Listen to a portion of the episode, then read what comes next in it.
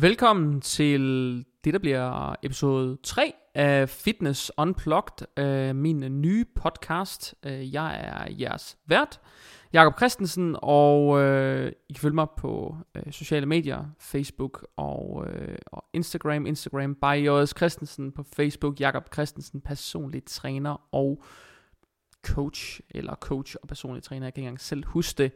Øhm, I dag er en af de der klassiske Q&A sessions, og øh, som de, der følger mig troligt og har gjort i årvis, øh, de ved, at øh, jeg plejer at have sådan en øh, Q&A en gang om ugen, eller en gang hver 14. dag. Det format har vi øh, trukket med herover i podcastdelen, fordi jeg personligt synes, at det er pissefedt, at andre mennesker har mulighed for at lytte til det, når de vil, altså i deres tid, men også har mulighed for at lytte til det, uden at man skal have en, en app åben, hvor man skal køre en eller anden videodel på. Øhm, en af udfordringerne er selvfølgelig også det her med Instagram, hvor den forsvinder i efter 24 timer, så det har vi gjort nu, og øh, der er faktisk også begyndt at komme videoer på YouTube, um, så vi optager dem med, øh, med kamera, og det er også derfor, at dem, der ser med her på øh, telefonen, altså på Instagram, dem, der ser med på Facebook, i har opdaget, at jeg kigger et andet sted hen, og det er fordi herover der har vi et øh, kamera 3, som i virkeligheden er det, vi optager på. I dag, der skal vi snakke om øh, motivation, og øh, vi skal tale om både noget med langsigtet og noget med kortsigtet motivation. Det bliver lidt øh, min del til jer, så den del har jeg forberedt mig lidt på. Og øh, herefter er der åben øh, Q&A, det vil sige, at man kan stille alle de spørgsmål, man har lyst til om kost, om træning, om kosttilskud, eller hvad det nu er, man, øh, man har brug for input på sin, øh, på sin egen proces, så står jeg til rådighed her, og øh, så leger vi øh, Birtes brevkasse, eller hvad vi nu skal kalde det. Øhm. I dag skal vi tale om det her med motivation, og øh, det skal vi, fordi at jeg dels lige har afsluttet sådan en, øh, en 8 ugers øh, online bootcamp, og øh, i den bootcamp var der en, øh, en bid om det her med, øh, med motivation. Og jeg tænkte faktisk, at rigtig mange af de ting, som jeg delte ud der, det var noget, der ville give rigtig, rigtig god mening øh, at dele generelt med folk. Øh, derefter er der frit lejde, så I har fri mulighed for at, øh, at spørge. Inden at øh, vi lige øh, går i gang, så vil jeg lige komme med en lille spoiler for, hvad der skal ske i næste uge. Fordi i næste uge, der har jeg øh, gæst nummer to på, og øh, der skal vi blandt andet snakke om... Øh, om business i fitnessindustrien, altså hvordan får man gang i en seriøs business, hvor man arbejder 80-100 timer hver uge og, øh, og tjener penge, og faktisk i virkeligheden kan leve af sin hobby. Og øh, det er noget, jeg personligt glæder mig rigtig, rigtig meget til. Det er en fyr, der hedder Anders Kok. Dem af jer, som øh, følger ham, eller som måske bliver behandlet af ham, det kan være, I kender ham som kokkefar på øh, Instagram, og ikke at der er noget perverst eller seksuelt i at kalde sig selv for kokkefar, men jeg synes øh, personligt selv, at det minder mig om alt andet end fitness, hver gang at jeg ser hans Instagram-tag. Så... Øh, ham skal jeg have med i næste uge, og det glæder jeg mig super, super meget til. Øhm, jeg der gerne vil stille spørgsmål, fyr den af i kommentarsporet. Jeg tager alle jeres spørgsmål, plus dem, der er kommet ind på forhånd, når jeg er færdig med den her lille spoiler om øh, motivation. Fordi øh, det her med motivation er der mange, der spørger mig om. Der er mange, der spørger, hvordan kan man blive motiveret, og hvordan kan man fastholde sin motivation. Så jeg tror, en ting er det der med, at man gerne vil opnå noget, noget andet er det der med at fastholde ideen om, at man gerne vil opnå noget. Og det tror jeg er noget, som, øh, jeg tror, motivation er noget, der udvikler sig over tid. Øh, jeg tror, at motivation er et, øh, hvad skal man sige, det er lidt et, et emne, som er øh, under udvikling hele tiden. Det er aldrig noget, der er konstant. Man kan aldrig være konstant motiveret. Øh, man kan aldrig have det sådan, at man, øh, at man altid er lige motiveret, motiveret, ikke motiveret, motiveret. Og man kan heller aldrig have det sådan, at man, at man, man altid enten er meget eller lidt motiveret. Det vil, det vil, være, noget, der, det vil være noget, der svinger, og øh, det er heller ikke nødvendigvis noget, der skal have en vis konstant øh, værdi. Øh, jeg synes, motivation handler meget om, at man finder ud af at skildre det på, på tre forskellige måder, og en, en måde at nå noget målsætning på, det er ved at det ikke kun handler om målsætning, men at det også handler om, øh, om formål. Og jeg tror faktisk, at det er der rigtig mange, der glemmer, når de taler om det her med målsætning. Så de vil rigtig gerne sætte nogle mål, og dem vil de gerne nå. De ved ikke rigtig, hvordan de skal nå derhen. Og øh, det er helt stensikkert, at hvis man har et mål, uden at det er noget, man får realiseret, så er det egentlig bare en drøm, der aldrig bliver til noget det jeg synes, man skal gøre op med sig selv, det er det her med, en ting er at have, en, have et mål. Noget, som jeg virkelig gør det klart over for dem, som jeg arbejder med, og dem, som jeg møder rundt omkring, det er, at et mål må ikke komme uden formål. Så over målet, der ligger et formål. Og det vil sige, når man, når man, øh, når man snakker om det her, jamen så kan det godt være, at man pludselig har det sådan, at uh, nu er jeg kommet til at veje for meget, nu vil jeg gerne ned i vægt, nu vil jeg gerne se lidt bedre ud, eller man har måske lav selvtillid, eller hvad det nu er, og så finder man ud af at sige, okay, det kunne godt være, at jeg kunne træne mig ud af noget af det. Det man selvfølgelig bare skal være opmærksom på, det er, at der skal være et formål med, at man for eksempel kommer ned i vægt, bare for at tage fat i den. Øhm, det kunne også være, at man gerne vil for eksempel ville leve sundere. Det kunne være, at man havde et eller andet mål om at træne mere. Et mål om at træne mere, uden at der er et formål med det, det vil nok typisk betyde, at man i på kort sigt kan være motiveret til at komme afsted, men på et eller andet tidspunkt, så finder man ud af med sig selv, at Netflix og øh, Viaplay, det er bare meget sjovere onsdag aften, når det pishammer regner. Så et formål med det, man begiver sig ud i, er ekstremt vigtigt øh, i min optik. Så for at tage den her for eksempel. Hvis man snakker med en, der for eksempel gerne vil tabe sig, så lad os sige, at man har levet en, en livsstil, der har ført til vægtøgning, og øh, man står pludselig ved en skillevej, og så siger, okay, nu kan jeg godt tænke mig at gøre noget vildt for mig selv. Så skal man ikke bare være motiveret til at tabe sig. Man skal generelt være motiveret til at skabe nogle ændringer i sit liv, og samtidig skal det også have et formål.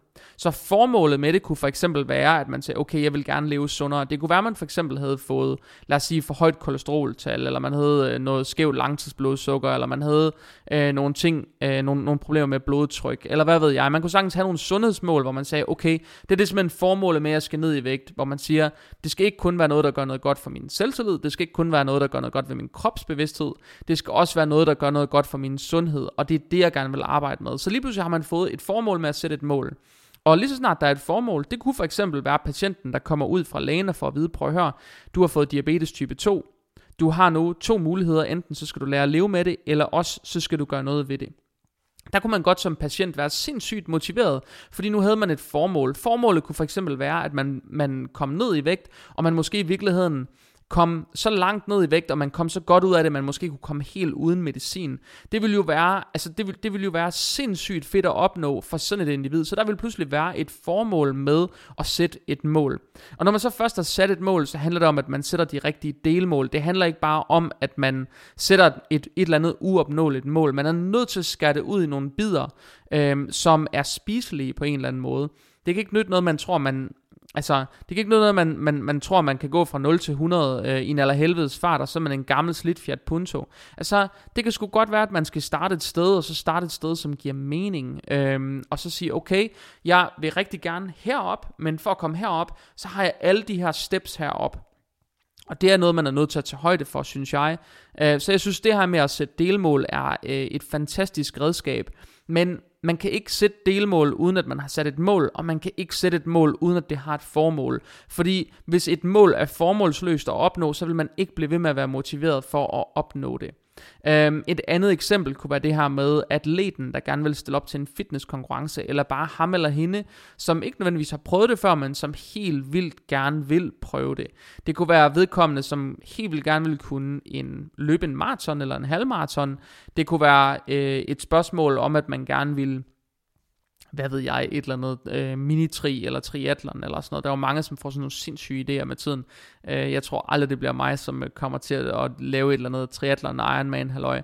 Men det er jo fedt, at der er nogen, der kan gøre det. Øh, og der har jeg det bare lidt sådan, der skal man sørge for at skildre de her ting rigtigt. Øh, og man skal sørge for at sætte de rigtige mål, man skal sørge for at sætte de rigtige delmål, og man skal sørge for at gøre det af en årsag, som har en dybere mening end bare at gøre det for at gøre det. Fordi hvis man bare gør ting for at gøre dem, så, så er de formålsløse, øh, og så vil man vist, miste motivationen på et eller andet tidspunkt.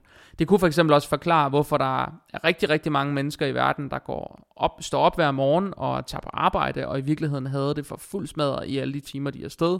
Så er de der, fordi det er formålsløst. Øh, og formålet måske på Øh, øh, på sådan lavpraktisk er at tjene nogle penge, så skulle det også, godt være, også gerne være noget, man fik noget ud af. Øh, både på kort sigt og lang sigt. Der skulle gerne være noget personlig udvikling, og det skulle også gerne være noget, man var motiveret for at lave. Så elsker man at have med mennesker at gøre, så kunne det godt være, at man synes, det var verdens fedeste job at være pædagog, og det kunne godt være, at man synes, det var mm, altså verdens mest forfærdelige job at være, øh, hvad ved jeg, forsikringssælger eller et eller andet. Så skal man nok vælge det rigtige der.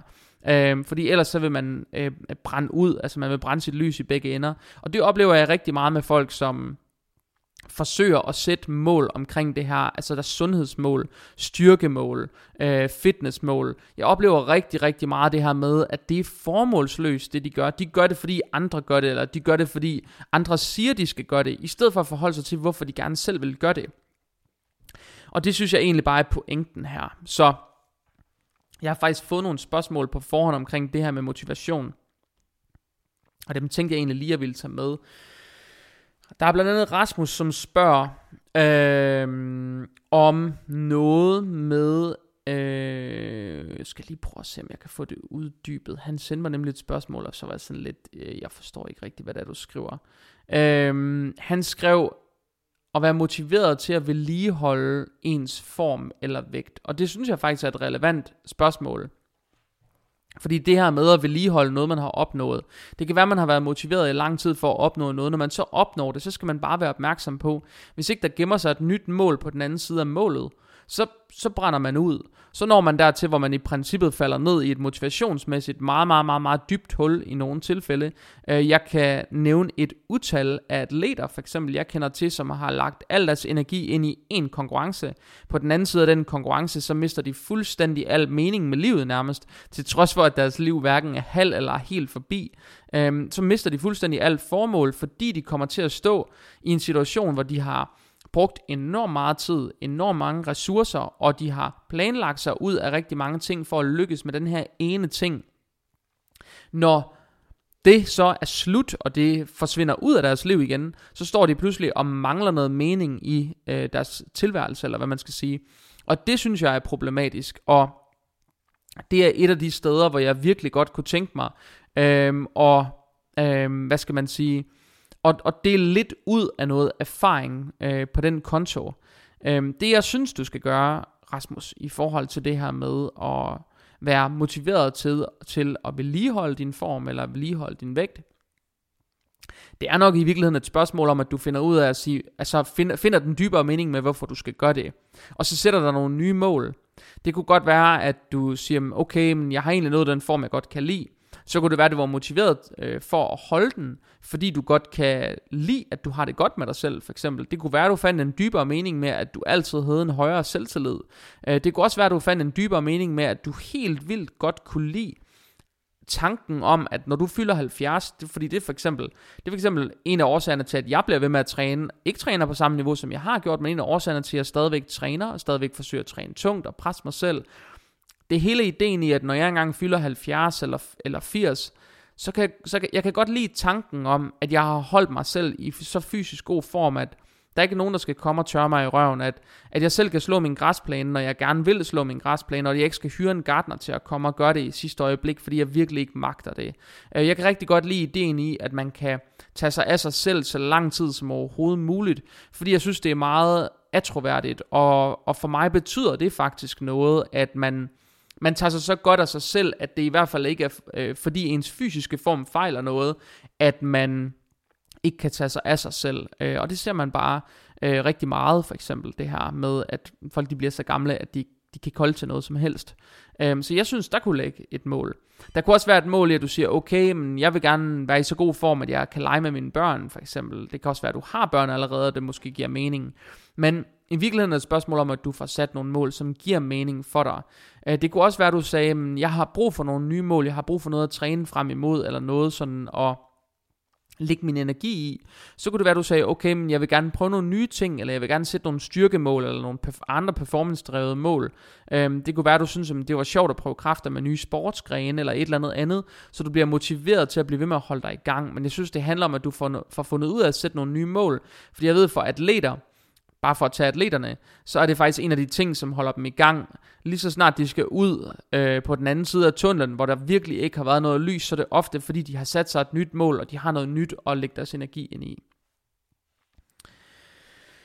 Øh, så er der Mathias, der skriver, han øh, mangler noget motivation. Øh, han har trænet i 3,5 års tid, og øh, han mangler noget motivation til det her med øh, muskelopbygning, og blive ved med at skabe noget kontinuerlig øh, muskelopbygning.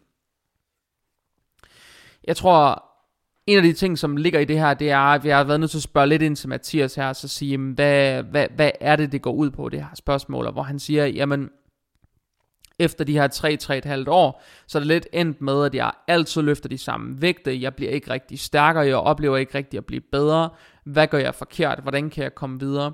Fordi det er klart, at hvis man, hvis man virkelig gerne vil træne for at blive et bedre menneske, eller blive bedre til det, man gør, man ikke rigtig føler, man rykker sig, så er det jo vidderligt et spørgsmål om at finde ud af, hvorfor rykker man sig ikke det, man gerne vil. Min oplevelse er rigtig meget, at næsten uanset hvad niveau klienter de kommer til mig på, så er det et spørgsmål om, at de stopper med at rykke sig. Og oftest er det faktisk præcis de samme ting, øh, vi giver os i kast med. Vi begynder at skabe nogle faste rammer omkring deres træning. Vi begynder at skabe nogle faste regler for progression. Og så tvinger vi dem i virkeligheden i gang med at skabe kontinuerlig progression. Og når de kommer i gang med det, så finder de pludselig ud af, at de bliver bedre en af de ting, som jo forsvinder lidt øh, med tiden, især når man lige er begyndt at træne, det er det her med, at når man lige er begyndt at træne, så føles det nærmest som om man bliver stærkere fra den ene uge til den anden, helt per automatik. Som om man ikke rigtig skal gøre noget for det, bare når man kommer ned i centret, så er man stærkere end man var sidste gang, og de vægte, man løftede sidste gang, de føles bare lettere. På et eller andet tidspunkt, så forsvinder den følelse nok også, og øh, når den følelse forsvinder, så er det super essentielt, at man får fundet ud af at sige, okay, den der naturlige muskeludvikling, jeg havde i starten, den der naturlige styrkeudvikling, jeg havde i starten, man er nødt til at forstå, at det er en tilpasning. Det er en tilpasning til de vilkår, man nu udsætter sig selv for. Og når kroppen den har tilpasset sig, så, så vil det begynde at gå langsommere. Og når det begynder at gå langsommere, så er det super essentielt, at man selv får fundet ud af at skabe noget målbar progression, så vi er tilbage ved det, jeg snakkede om før, nemlig det der med programmerne. Hvordan sætter man sin træning op? Hvordan programmerer man den? Hvilke regler har man for progression? Hvilke ambitioner har man? Kunne det være, at man skulle sætte nogle styrkemål, så man havde noget at træne frem imod, så man faktisk var motiveret for at træne? Så kan man tage, øhm, lad os sige, 60 kilo i bænkpres. Det er, sådan, det er nok ret normalt. Der er nok ret mange, der kan bænkpres 60 kilo. Så der er nogen, som virkelig føler sig trådt over tæerne, fordi de ikke kan bænkpresse 60 kilo. Men lad os nu tage udgangspunkt i, at man kan bænkpresse 60 kilo. Så siger okay, hvad kunne være et fedt mål herfra? Måske kunne det være 80 kilo eller 100 kilo, så har man noget, man kan arbejde sig op imod. Når man så når derop, så man siger, okay, hvad kan jeg så arbejde mig op imod? Og det kunne man gøre på mange forskellige løft. Squat, dødløft, bænkpres, overhead press, hvad ved jeg. Altså simple øvelser. Jeg har masser af klienter, der kommer og siger, jeg vil gerne kunne tage pull-ups. Det kunne jeg synes var mega nice. Eller klienter, der kommer og siger, jeg kunne bare godt tænke mig at kunne ting med min kropsvægt. Så for eksempel tage push-ups og lave dips, pull-ups. Sådan nogle simple ting. Simpelthen fordi, det har de aldrig kunnet, og de synes, det ser super sejt ud, når andre de kan. Så okay, så lad os arbejde hen imod det. Der er noget, der er ret målbart. Det er ret målbart, hvis ikke man kan tage nogen pull-ups. Når man så kan tage en pull-up, så ved man, at man er blevet rigtig meget bedre. Når man så kan tage to pull-ups, så ved man også, at man kan måle noget fremgang. Og det er relativt nemt at træne sig op til også. Øhm, så det er dels et spørgsmål om for eksempel noget styrke i forhold til ens kropsvægt, og så er der selvfølgelig noget i forhold til noget koordination og noget balance. Øhm, og re- reelt set, så, så, så er det relativt simple parametre at, at arbejde rundt om. Så som udgangspunkt synes jeg egentlig ikke, det er helt skævt. Øh, jeg synes faktisk, at det, det, det, det er en rigtig, rigtig god måde at gå til det på. Men det handler selvfølgelig også om, at man bliver motiveret til at sætte nogle mål, og man tænker over... Øhm, jeg er nok nødt til at arbejde hen imod noget, i stedet for bare at gå og famle i blinde. Fordi hvis man famler i blinde, så bliver man nok bare ikke bedre. Det gør man nok bare ikke. Øh, så er der Malene, hun skriver, det mentale mindset at overvinde kampen mod træthed, smerter og så videre. Mm. Altså jeg tror, på et eller andet tidspunkt, så er man nødt til at tage en beslutning om, om man, om man vil, hvad man vil, og hvor meget man vil det. Jeg ved godt, at man kan, altså jeg har selv prøvet det, jeg har prøvet at ligge, øhm, i 2009, det vil sige, det er 10 år siden nu, så jeg føler mig som en rigtig gammel nar der, øh, der kørte jeg galt i min første bil, for eksempel. Øh, jeg havde sådan en lille, sådan en lille grøn Mitsubishi, og jeg havde bygget et monster stereoanlæg i den der bil, øh, fordi det synes jeg jo var nice dengang, at man tager ned og røver autostereo butikken der, og så propper man bare den der lortekast der med stereoanlæg. Så det synes jeg var fedt, og jeg suste rundt i den. Øhm, og en nat, hvor jeg skulle til Esbjerg efter en 13 eller 14 timers arbejdsdag øhm, på gulvet i det lokale Bilka-varehus, tror jeg det var. Øhm, jeg skulle til Esbjerg midt om natten, og så skulle jeg tilbage igen. Og på vejen tilbage, jeg kunne godt mærke på vejen over, der var jeg rigtig træt. På vejen tilbage, der øh, faldt jeg i søvn bag rattet, og øh, jeg vågnede op lige inden, at jeg skulle træffe en beslutning om, om jeg ville tage en afkørsel, eller jeg ville fortsætte på motorvejen. Øhm, og der trak jeg så hårdt i rettet, at bilen snurrede rundt, og øh, den slog øh, cirka to 8 taller og så tog den fat ud i græsrabatten, og så begyndte den bare at slå koldbøtter, den der fucking bil der. Øh, og 7 9 13 så endte førersiden nede i hullet, øh, eller nede i hulningen i, øh, i den der øh, græsrabat, så der skete mig ikke noget. Så der sidder en ved siden af, så var vedkommende blevet slået ihjel på stedet, fordi det der tag, det stod simpelthen bare ned. Øh, men det korte og det lange ved den historie, det er, at jeg endte med det, man kalder et midlertidigt piskesmæld. Det vil sige et piskesmæld, som reelt set går, går i sig selv igen, eller går over igen. Øhm, og der havde jeg en periode på, tror jeg, halvanden måned eller sådan noget, hvor jeg faktisk, øhm, hvor jeg faktisk slet ikke trænede.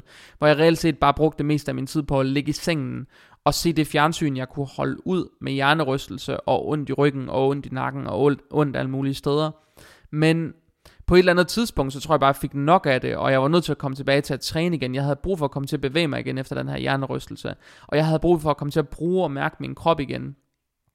Og jeg tror bare, når man er sådan et sted i sit liv, hvor man hvor, hvor, hvor det alligevel er point of no return, så er man nødt til at tage en beslutning om, om man vil gøre sig selv til et offer for den situation, man er i, eller man vil forsøge at gøre noget ved den situation, man er i. Og hvad man kan, altså hvad man har evner til, og hvad man har kompetencer til, hvad man har energi og drive til at gøre ved det, vil være forskelligt.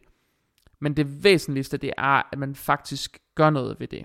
Øh, man tager noget action på det. Starter, hvor man er, arbejder sig op, og jeg ved godt, at alle situationer er forskellige. Det er svært at skære alle over en kamp og sige, jamen hvis jeg kan, så kan alle andre også. Men jeg tror også rigtig, rigtig mange gange, så handler det her om, hvor meget man vil noget. Ikke om man vil det, vil det men hvor meget man vil det. Tror jeg betyder rigtig, rigtig meget i mange af de her situationer. Fordi det, det, det er noget af det, der er med til at sætte øh, grænserne for, øh, hvor ens mindset bærer en hen. Og det er noget af det, som jeg virkelig gerne vil dele med jer med den historie. Øhm, og min gamle Mitsubishi der, den endte med at være så bulet, og dørene trykket så meget op i forskærmen, at de næsten ikke kunne åbnes. Men jeg overlevede alligevel. Og, og det er også noget af det, som man skal også huske på, at man lever, og man har kun et liv. Og nogle gange så handler det om, at man får det ud af det liv, som man gerne vil. Øhm, jeg tror, det er noget, der går op for rigtig, rigtig mange mennesker, når de for eksempel har haft en, en nærdødsoplevelse. Øh, det, heldig, jeg ved ikke, om man skal sige heldigvis eller desværre, er der ikke særlig mange, der oplever det, men dem, der oplever at være altså en my fra at blive slået ihjel, men overleve på mirakuløs vis, de bliver pludselig enormt taknemmelige for det, de har, og de bliver pludselig også enormt opmærksomme på det, de har, og det, de kan. Øhm, og, og det ligger der en vis værdi i, og det, den oplevelse ville jeg alligevel ønske, at, at alle mennesker på en eller anden måde fik, især når de manglede noget motivation. Så øh, jeg ved ikke, om det hjælper dig det her, Malene, men jeg, jeg tror, du er nødt til at begynde at forholde dig til, hvad du gerne vil med dit liv. Ikke bare nu, men på den lange bane. Og så få det allerbedste ud af det, du kan. Ikke det, alle andre kan. Lad være med at forholde dig til, hvad alle andre kan, men prøv at forholde dig til, hvad du kan. Og så skab noget fremgang i din situation, der hvor du er, i stedet for at forholde dig til, hvor du, hvor du selv synes, du burde være. Fordi det spiller ikke nogen rolle. Det, der spiller en rolle, det er, hvor du er henne. Øh, og så kom videre derfra. Så er der en fyr, der hedder Icing. Han skriver eventuelt snak om overtræning. Hvad gør det for forbrændingen? Øhm, ærligt talt, så tror jeg ikke, der er ret mange, der overtræner særlig meget. Og dem, der måske overtræner, det er en meget udvalgt skare. Og hvad det gør for forbrændingen, I don't know. Jeg ved det faktisk ikke, hvad det gør for forbrændingen. Jeg ved ikke, om det gør noget negativt ved forbrændingen, at man overtræner. Jeg tænker nok, det gør mere ved jeg tænker umiddelbart, det gør mere ved ens centrale nervesystem, at man overtræner. Øhm, jeg tænker ikke, det gør ret meget ved forbrændingen nødvendigvis, men jeg ved det faktisk ikke, så, øhm, så pas.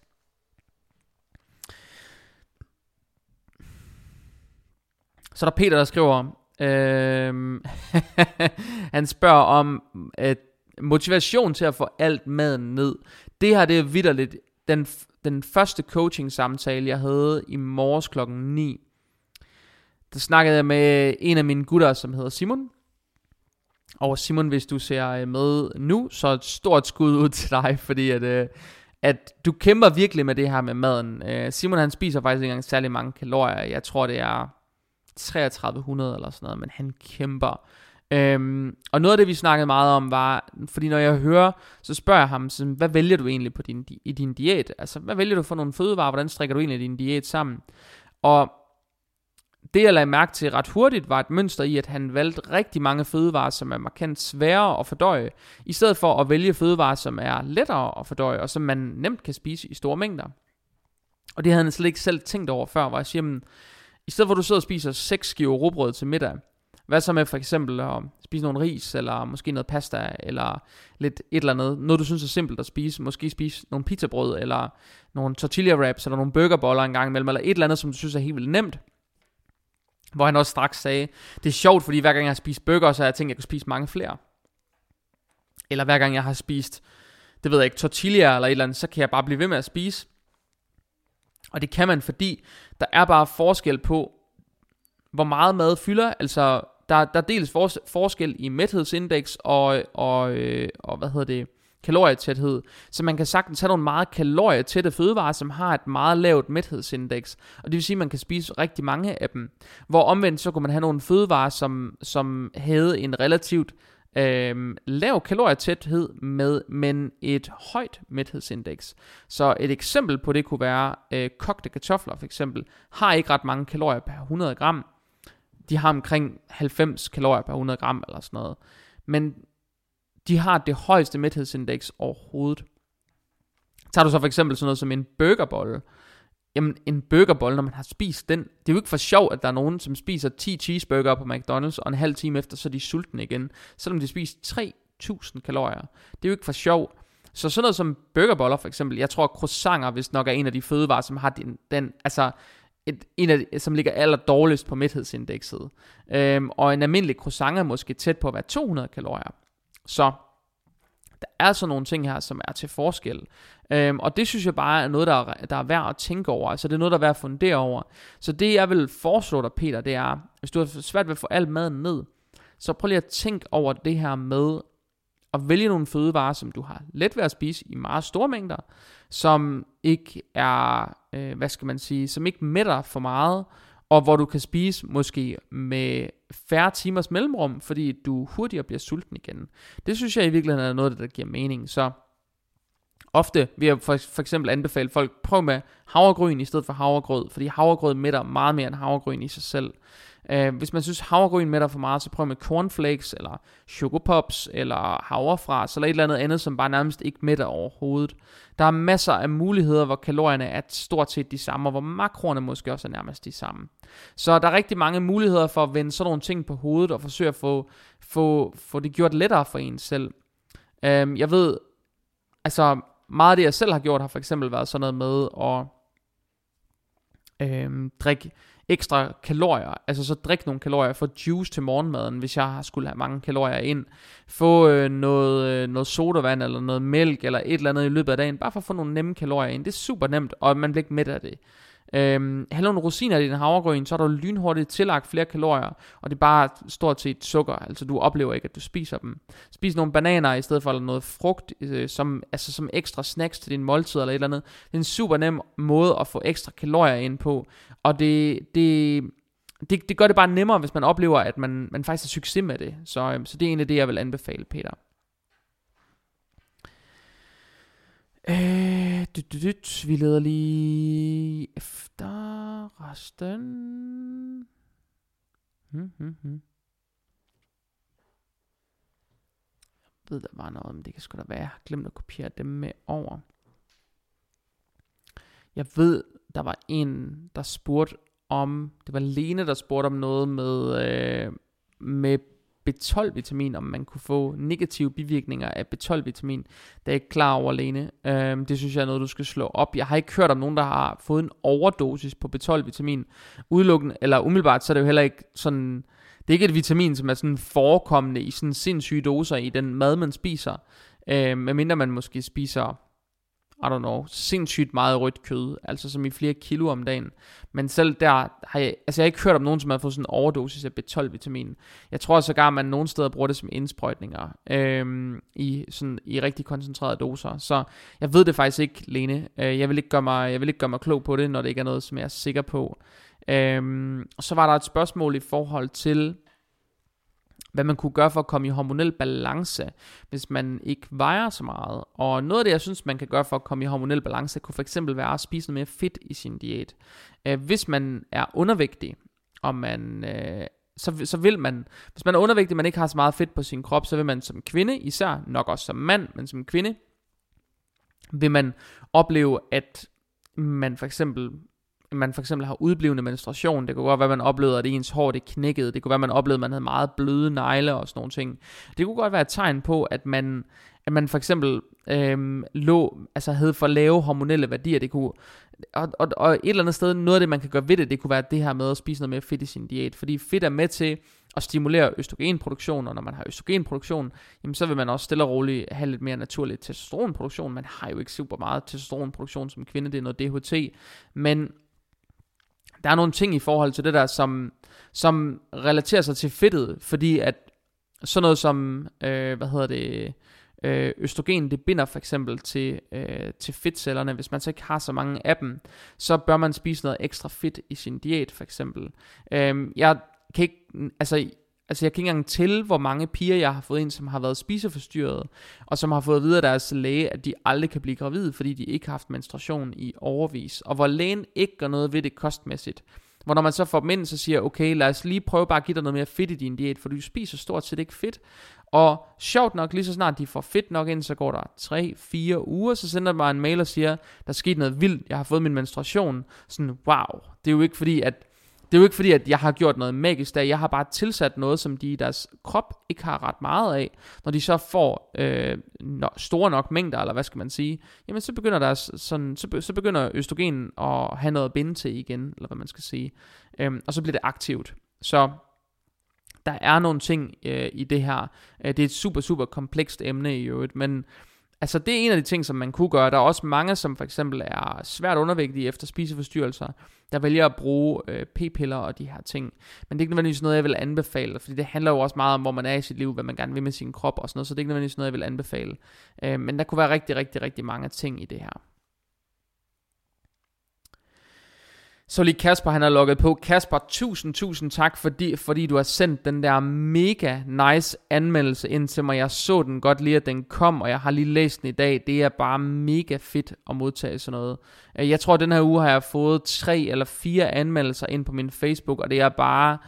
Altså den ene rosende parade efter den anden, og hver gang jeg får de der anmeldelser, så bliver jeg fandme helt jeg bliver, sku, jeg bliver faktisk lidt ramt af det, fordi på en eller anden måde, så er det sindssygt fantastisk, at der er nogle mennesker, der sætter sig ned og gider at berette om deres oplevelse, og når det de så beretter om, det har gjort så stor en forskel for dem, så bliver man, man kan sgu næsten ikke undgå, at man bliver en lille smule berørt af det. Det betyder faktisk ret meget for mig, så dem af jer, som har gået i et forløb ved mig, eller dem af jer, som går i et forløb ved mig, hvor det ikke er afsluttet, jeg vil super, super gerne have de der anmeldelser på min Facebook, fordi de betyder lige nøjagtigt det, at når der kommer fremmed udefra ind på min Facebook, og tænker, skal jeg vælge Jakob som træner, så er det mulighed for at se, hvad siger andre. En ting er, hvad jeg siger om mig selv.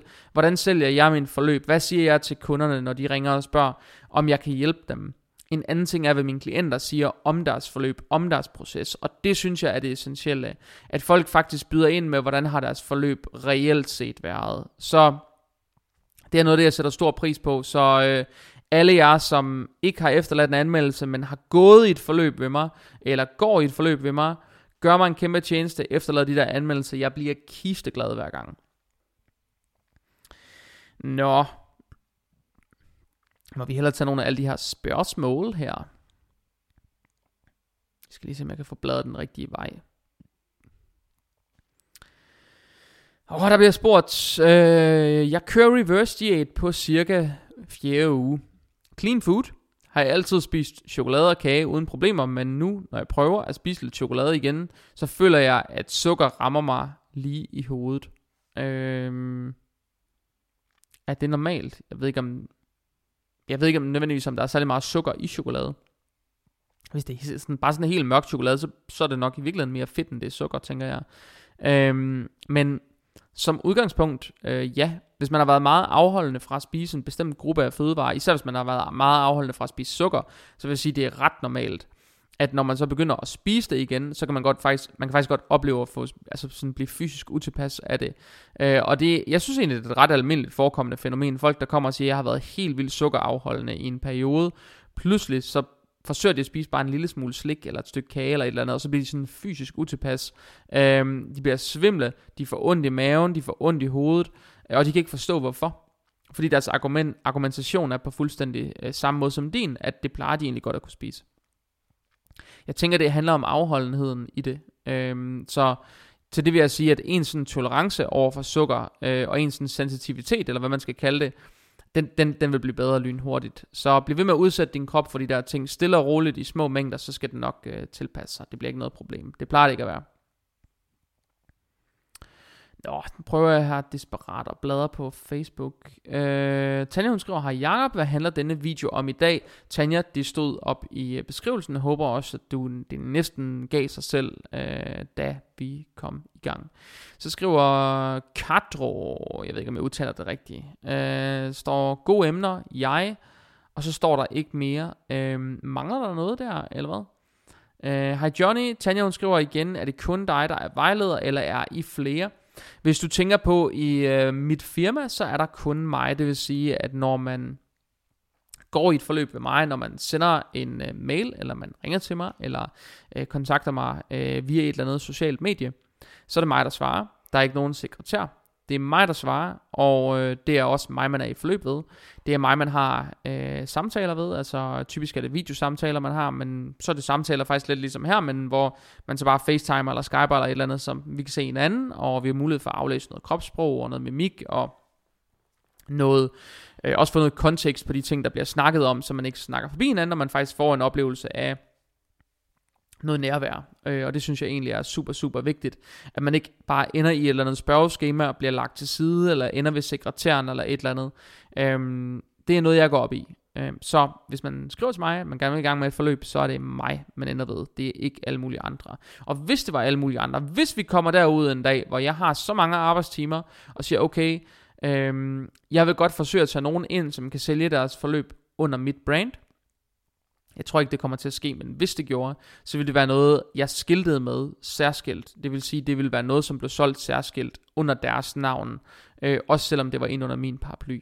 Øh, fordi jeg ikke, jeg, jeg synes ikke, jeg kan stå inden for, at man forsøger at sælge noget, øh, som en vare, men som i virkeligheden er en ganske anden vare. Fordi det folk, de betaler for, det er, det er ikke bare hjælp, de betaler også for know-how, de betaler for øh, og, og få lov til at arbejde med mig personligt. Når de skriver til mig, så forventer de, det er mig, der svarer. De forventer ikke det en eller anden. Og det synes jeg egentlig er noget af det aller, aller vigtigste. At man ikke, øh, at man ikke glemmer, øh, hvad folk de kommer fra. Jeg skal lige spørge min kameramand, om han har husket kameraet derovre i forhold til de 30 minutter. Overhovedet ikke. Har du det? Fuck mand, det har jeg slet ikke opdaget. Okay, det er fordi vi kører med det her kamera, som skal nulstilles efter 30 minutter, og så kommer jeg til at se på tiden, og så tænker jeg, fuck, er det blevet nulstillet det der? Fordi det skal optages til YouTube, så man igen har mulighed for at gå ind og søge efter det, og man har mulighed for at gå ind og se det. Så de af jer, der ikke følger mig på YouTube, men gerne vil, Øhm, I kan klikke ind og finde mig. Jeg hedder Bajødes Christensen, fuldstændig ligesom på Instagram faktisk. Øhm, klik ind, følg mig der, abonner på mig, og så tror jeg nok, der er sådan en klokke, man kan slå til, så man får en notifikation, når der kommer en ny podcast ud. God aften til dig, Lotte. Øh, Ahmed han spørger, må jeg spørge om, hvordan kan man arbejde på et svært punkt i kroppen? Jeg tænker, han snakker om weak points. Jeg synes egentlig bare, det handler om, at man arbejder mere med øh, sine svage punkter, øh, eller sine weak points. Så det vil sige, har man en muskelgruppe, eller flere muskelgrupper, som er bagud, så det jeg typisk gør med mine klienter, det er egentlig bare at overfokusere deres træning der. Så lad os sige, at de har gode ben og en god ryg, men de mangler nogle skuldre og nogle arme og nogle brystmuskler, for eksempel. Øhm, så vil jeg måske fokusere mere deres træning på de her små muskelgrupper, i stedet for de store muskelgrupper. Og omvendt, hvis de havde jeg har for eksempel en klient, Rasmus. Rasmus, han er super nice, frisk ung fyr. Han træner tungt, og han er stærk. Rasmus har mega gode ben. Han har gode brystmuskler, gode skuldre. Han er i virkeligheden bare en flot fyr. Når han så vender sig rundt, så har han bare ingen ryg. Som om, at han aldrig har trænet den i hele hans liv, og han træner den bare fucking hårdt. Altså, han slår sig selv ihjel, hver gang han kommer i centret, men hans ryg responderer bare ikke lige så hurtigt som resten af hans krop. Så der har vi måske et ekstra fokus på, at han virkelig skal rykke sig på sine rygtræninger. Og det, det, det er i virkeligheden meget sigende om, hvordan jeg vil gå til det. Altså spørgsmålet om at sige, at det her, vi skal have noget ekstra volume, her vi skal have noget ekstra opmærksomhed, eller at det her, du skal være ekstra opmærksom på, hvordan du træner, altså hvordan bevæger du dig. Så det bevægelsestekniske, hvordan er det de dage? Fordi det er stensikkert, at det er ikke fordi muskler ikke kan opbygges. I virkeligheden så handler det nok om, at man har nogle muskelgrupper, man får aktiveret bedre end andre, eller man får stimuleret bedre end andre. Også selvom man egentlig synes, man gør alting rigtigt. Og det der tror jeg, der er ret mange, der vil kunne ikke øh, genkende til, det her med, at man har måske nemmere ved at stimulere nogle muskelgrupper end andre, og samtidig vil man have nogle muskelgrupper, som bare er, hvad skal man sige, længere, øh, længere fremme, eller øh, længere øh, udviklet, øh, hvad skal man sige, mere end andre, øh, og udvikles hurtigere øh, end andre, sådan helt per natur, ikke fordi man træner dem ekstra, men bare fordi de altid udvikler sig hurtigere. Øh, og det er der ikke nogen skam i, det er ret normalt. Så man sørger i virkeligheden for at træne det, man, øh, man er dårligst til at træne mere af det. God aften til dig, Christina. Beklager det så sent, jeg lige får svaret på det her. Uh, Lotte, hun skriver, det er en, elsker, at de har fået sådan nogle top fan badges. Det synes jeg, at det er det, det er det fedeste på Facebook. Så ser det ud, som om der virkelig er nogen, der følger med på min side. Uh, så det er super fedt. Lotte, hun skriver, jeg slås for at sænke min, øh, for at sænke min kål. Indtil videre er det blevet til 47 kilo. Jeg har tabt mig øh, på lige knap 3 år. Mangler der noget til det? Øhm, min mand er også blevet opereret i skulderen, og han kan godt cykle. Måske var det en idé. Øhm, Nå, det var tip. Okay, det er, det er noget svar på noget af det, vi har snakket om tidligere. Øh, I forhold til noget af det der med at sætte nogle sundhedsmål, tror jeg virkelig, det faldt ind under den kategori, hvis ikke jeg tager helt fejl. Øh, stærkt. Øh, vi ser lige, om vi kan komme tilbage op. Nu fik jeg simpelthen scrollet alt for langt ned i det her. Christina, hun skriver, øh, jeg har svært ved at holde fast i kosten efter fire uger, og jeg har en opereret skulder, så kan jeg ikke træne øverste del af kroppen, og har en del væske der. Så kan jeg ikke komme ned i vægt. Ved ikke, hvordan jeg skal holde fast i det. Christina, øh, for det første, væske er sjældent et problem for folk. Jeg ved godt, man kan gå og bilde sig selv ind, at jeg holder bare væske. Men det er der ret, meget, ret få mennesker, der i virkeligheden gør. Og det er sjældent sådan, at hvis man har øh, en grad af ødemer, så det er så sjældent sådan, at det sådan, er forbeholdt kun en del af kroppen, så det er som oftest hele kroppen. Øh, så som udgangspunkt, så tror jeg ikke helt på, det er den med væsken. Det kan godt være, det føles sådan, men jeg tror ikke reelt set på, det er det, der er problemet. Øhm, og det, at du har en opereret skulder, nu er det jo lidt svært for mig at vide, hvad du er opereret for og hvorfor du er blevet opereret. Men det er muligt, at du kan andre ting, og så synes jeg, at du skal gøre det. Det kan være, at du kan træne cardio, det kan være, at du kan træne nogle ben. Uanset hvad, så skal din overkrop nok blive mindre, så længe du har gang i et vægttab. Så det jeg vil sige til dig, det er, hvis du kan træne mindre, end det du egentlig gerne vil, så prøv at være ekstra opmærksom på din kost. Altså gå mere op i din kost. Sørg for, at du har fået øh, tilretlagt en diæt, der passer til dig.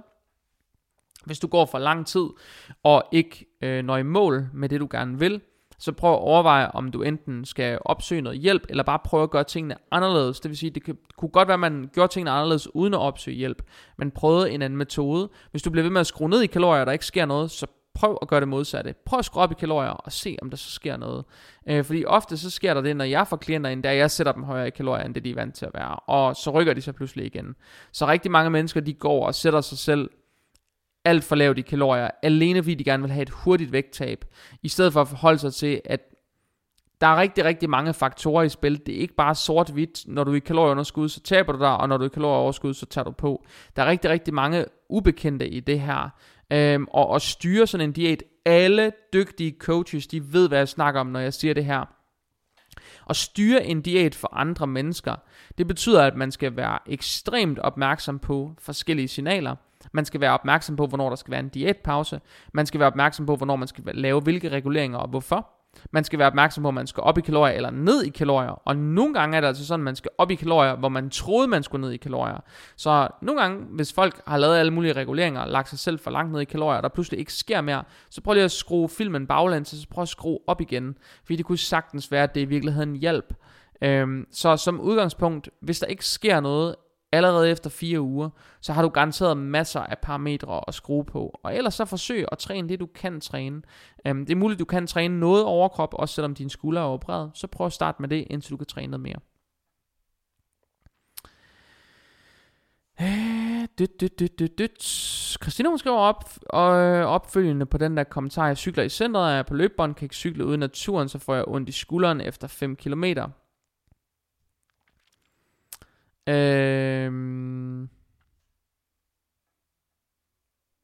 Bum, bum, bum, bum, bum, bum, bum, bum, bum.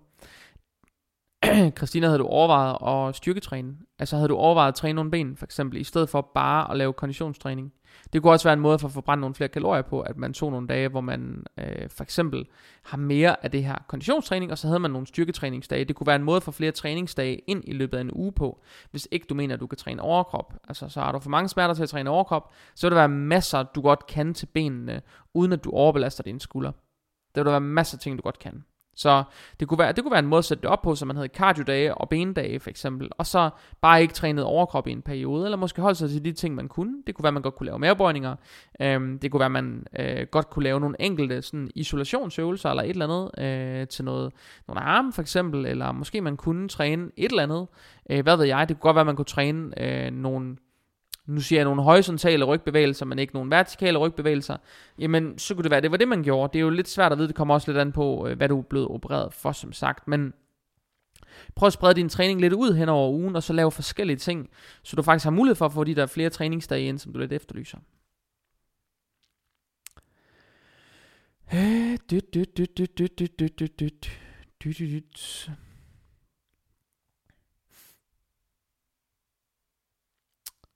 Lotte, hun skriver, forsvinder ens håndtag, når man har tabt sig noget mere? Eller skal man træne på en speciel måde for at fjerne det? Øh, jeg skal måske lige sige, at jeg er i gang med et vægttab på 80 kilo, og jeg har indtil videre nået de 47. Super fedt! Altså sindssygt at tabe. Jeg kan se min videomand herovre, han sidder med, med tommelfingrene op. Han er helt, helt høj over der en, der har smidt 47 kilo. Det er mega fucking sejt, Lotte. Det kan du godt være stolt af. Øhm, 47 kilo er meget, uanset hvor meget man har varet, så er det sindssygt flot gået. Og 80 kilo bevidner bare om, at det er en lang rejse, du er ude på. Det jeg dog vil sige, det er, det er sindssygt svært at forudsige, om din hud vil trække sig nok sammen eller ej. Når man når en vis størrelse, så, så bliver oddsene også dårligere for, at huden trækker sig nok sammen eller ej. Men hudens elasticitet er ret individuel. Og man ser altså nogle ret sindssyge cases, hvor folk de taber sig altså 50 plus kilo, og huden den ligger så bare pænt ind til maven på dem på en eller anden måde. Og i de tilfælde, jamen er det så et spørgsmål om, at, at de har bare lavet noget særligt stof? Nej, det er nok bare et spørgsmål om, at deres hud, altså helt per natur, har en bedre elasticitet end andres har. Og det er ikke noget, man kan forsikre sig imod. Det jeg synes, du skal gøre, Lotte, det er at blive ved med at mose på. Bliv ved med at mose på for at komme ned i vægt. Og når du så endelig når den vægt, den størrelse, den form, du gerne vil opnå, så tag et kig på og se, om, du, om, om huden har lagt sig ind. Om alting egentlig sidder pænt. Det, der ikke sidder pænt, øh, det kan være, det vil komme til at sidde pænere et år eller to efter, hvis du så får holdt den vægt, du har. Hvis du bare øh, tager på igen med det samme bagefter, så når huden ikke at tilpasse sig. Og huden den kan godt have en tilpasningstid på op til to år, efter man har gennemført et vægttab for eksempel. Så er man ikke påpasselig og sørger for egentlig at holde den form, man har opnået, så kan man i virkeligheden godt tabe en hel del ved ikke at have holdt sin form. Øhm, og så er noget helt andet. Prøv at høre, hvis du har tabt 80 kilo, og du har lidt løs hud, for det første, så er det ikke noget, man skal være flov over. Fordi det er sindssygt sejt gået, at man lægger sin livsstil om på den måde. For det andet, så vil jeg bare sige, så brug de par knaster på at få lavet en hudtransplantation eller et eller andet, for det fjernet. Du vil blive så sindssygt glad for det, og de klienter, jeg har, som får gjort de der ting for dem selv, fordi det bare virkelig er deres højeste ønske efter sådan et vægttab, det er det hele værd for dem. Altså brug de penge, det koster, så få det fjernet. Øh, men lad være med at spekulere på det nu.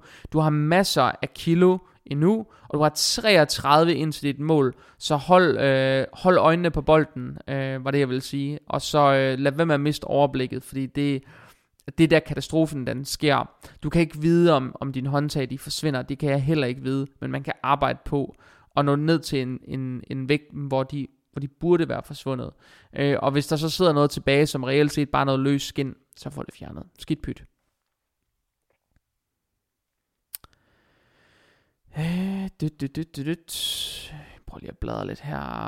Asger han skriver, hvordan definerer du forskellen på motivation og disciplin?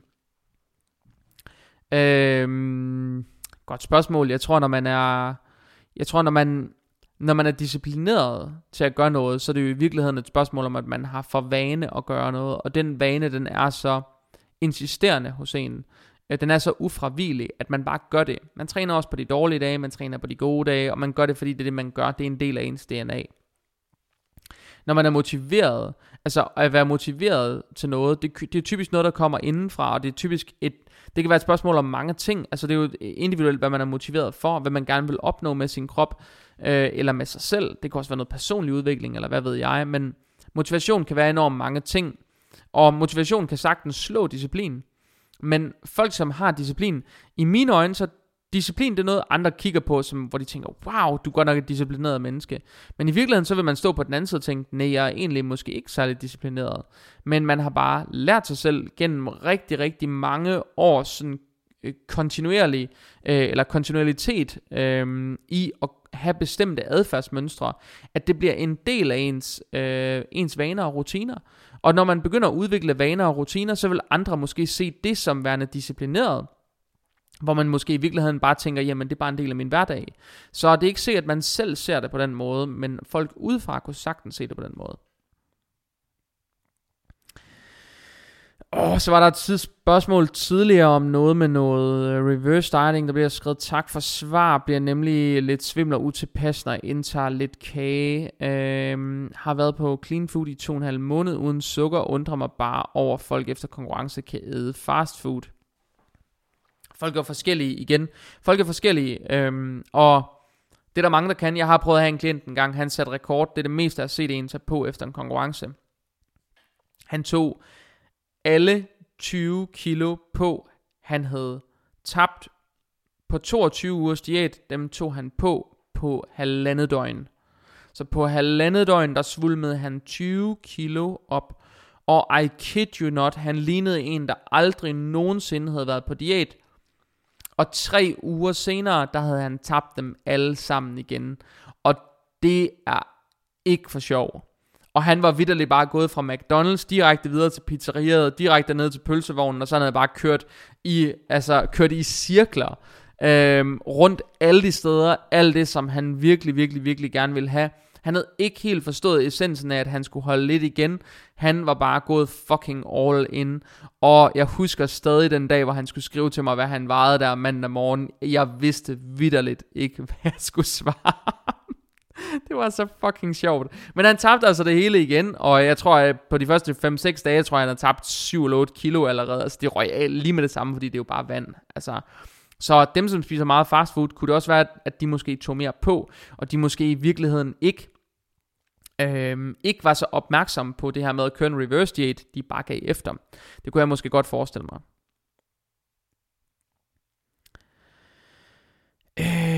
Ser jeg ud til, at der er flere spørgsmål som udgangspunkt. Vi har også kørt i 53 sindssyge minutter nu. Øhm, jeg tror egentlig bare gerne, jeg vil runde den af. Det var en sindssygt god Q&A. I uh, næste uge, hvis alting det flasker sig, det satser jeg virkelig, virkelig på, det gør, men vi har aftalt det. I næste uge, der skulle vi meget gerne få Anders Kok på. De fleste af jer, I kender ham på Instagram som Kokkefar, hvis I kender ham, hvis I følger ham. Og øh, Anders, han har en helt speciel historie omkring hans business. Øh, Anders, han er super professionel. Han er en af de bedste øh, en af de aller, aller bedste sportsbehandlere, jeg overhovedet kender til. Jeg kender til to gode, øh, og jeg sender rigtig, rigtig mange klienter hans vej, fordi jeg kan sende klienter fra hele landet hans vej. Øh, han er både i Vejle og i Odense og i Roskilde, så uanset på hvilken ø eller hvilket fastland man er på, så har man mulighed for at komme til ham. Han er super, super dygtig. Men han driver også en business, og han arbejder ligesom mig sindssygt mange timer, og for en gang skyld er der en, der arbejder endnu mere, end jeg selv gør. Øhm, så jeg glæder mig super, super meget til at få ham på, til at snakke om business i øh, fitnessindustrien og i bodybuilding. Jeg synes, det bliver super interessant, og jeg ved, der vil sidde nogen derude, som vil blive sindssygt motiveret af at høre, hvor vedholdende et menneske han er, hvor hårdt han fucking arbejder for at nå de mål, han har sat sig for. Så øh, det bliver en sindssygt god podcast. Hvis der er nogen af jer, der har spørgsmål til ham, som gerne vil stille nogle spørgsmål til den her podcast, så send dem til mig i en uh, øh, DM på øh, Instagram. Send mig en direkte besked på Facebook. Øhm, så tager jeg dem med. Og øh, jeg skal nok smide sådan en spørgsmålsting op, man kan svare på på Instagram også. Øh, men indtil, indtil da, så øh, håber jeg, at øh, vi høres ved. Jeg håber, I får rigtig, rigtig god glæde af den her podcast, og jeg håber, I bliver ved med at lytte med, for jeg er allerede ved at have sindssygt mange lytninger øh, på, øh, på Spotify og på iTunes, så det er noget, jeg sætter virkelig meget pris på. Så øh, indtil vi ses igen, tusind, tusind tak for, øh, for den her gang. Tak fordi du lyttede med, eller så med. Øhm, og øh, vi ses igen næste gang. Kan I have det rigtig godt.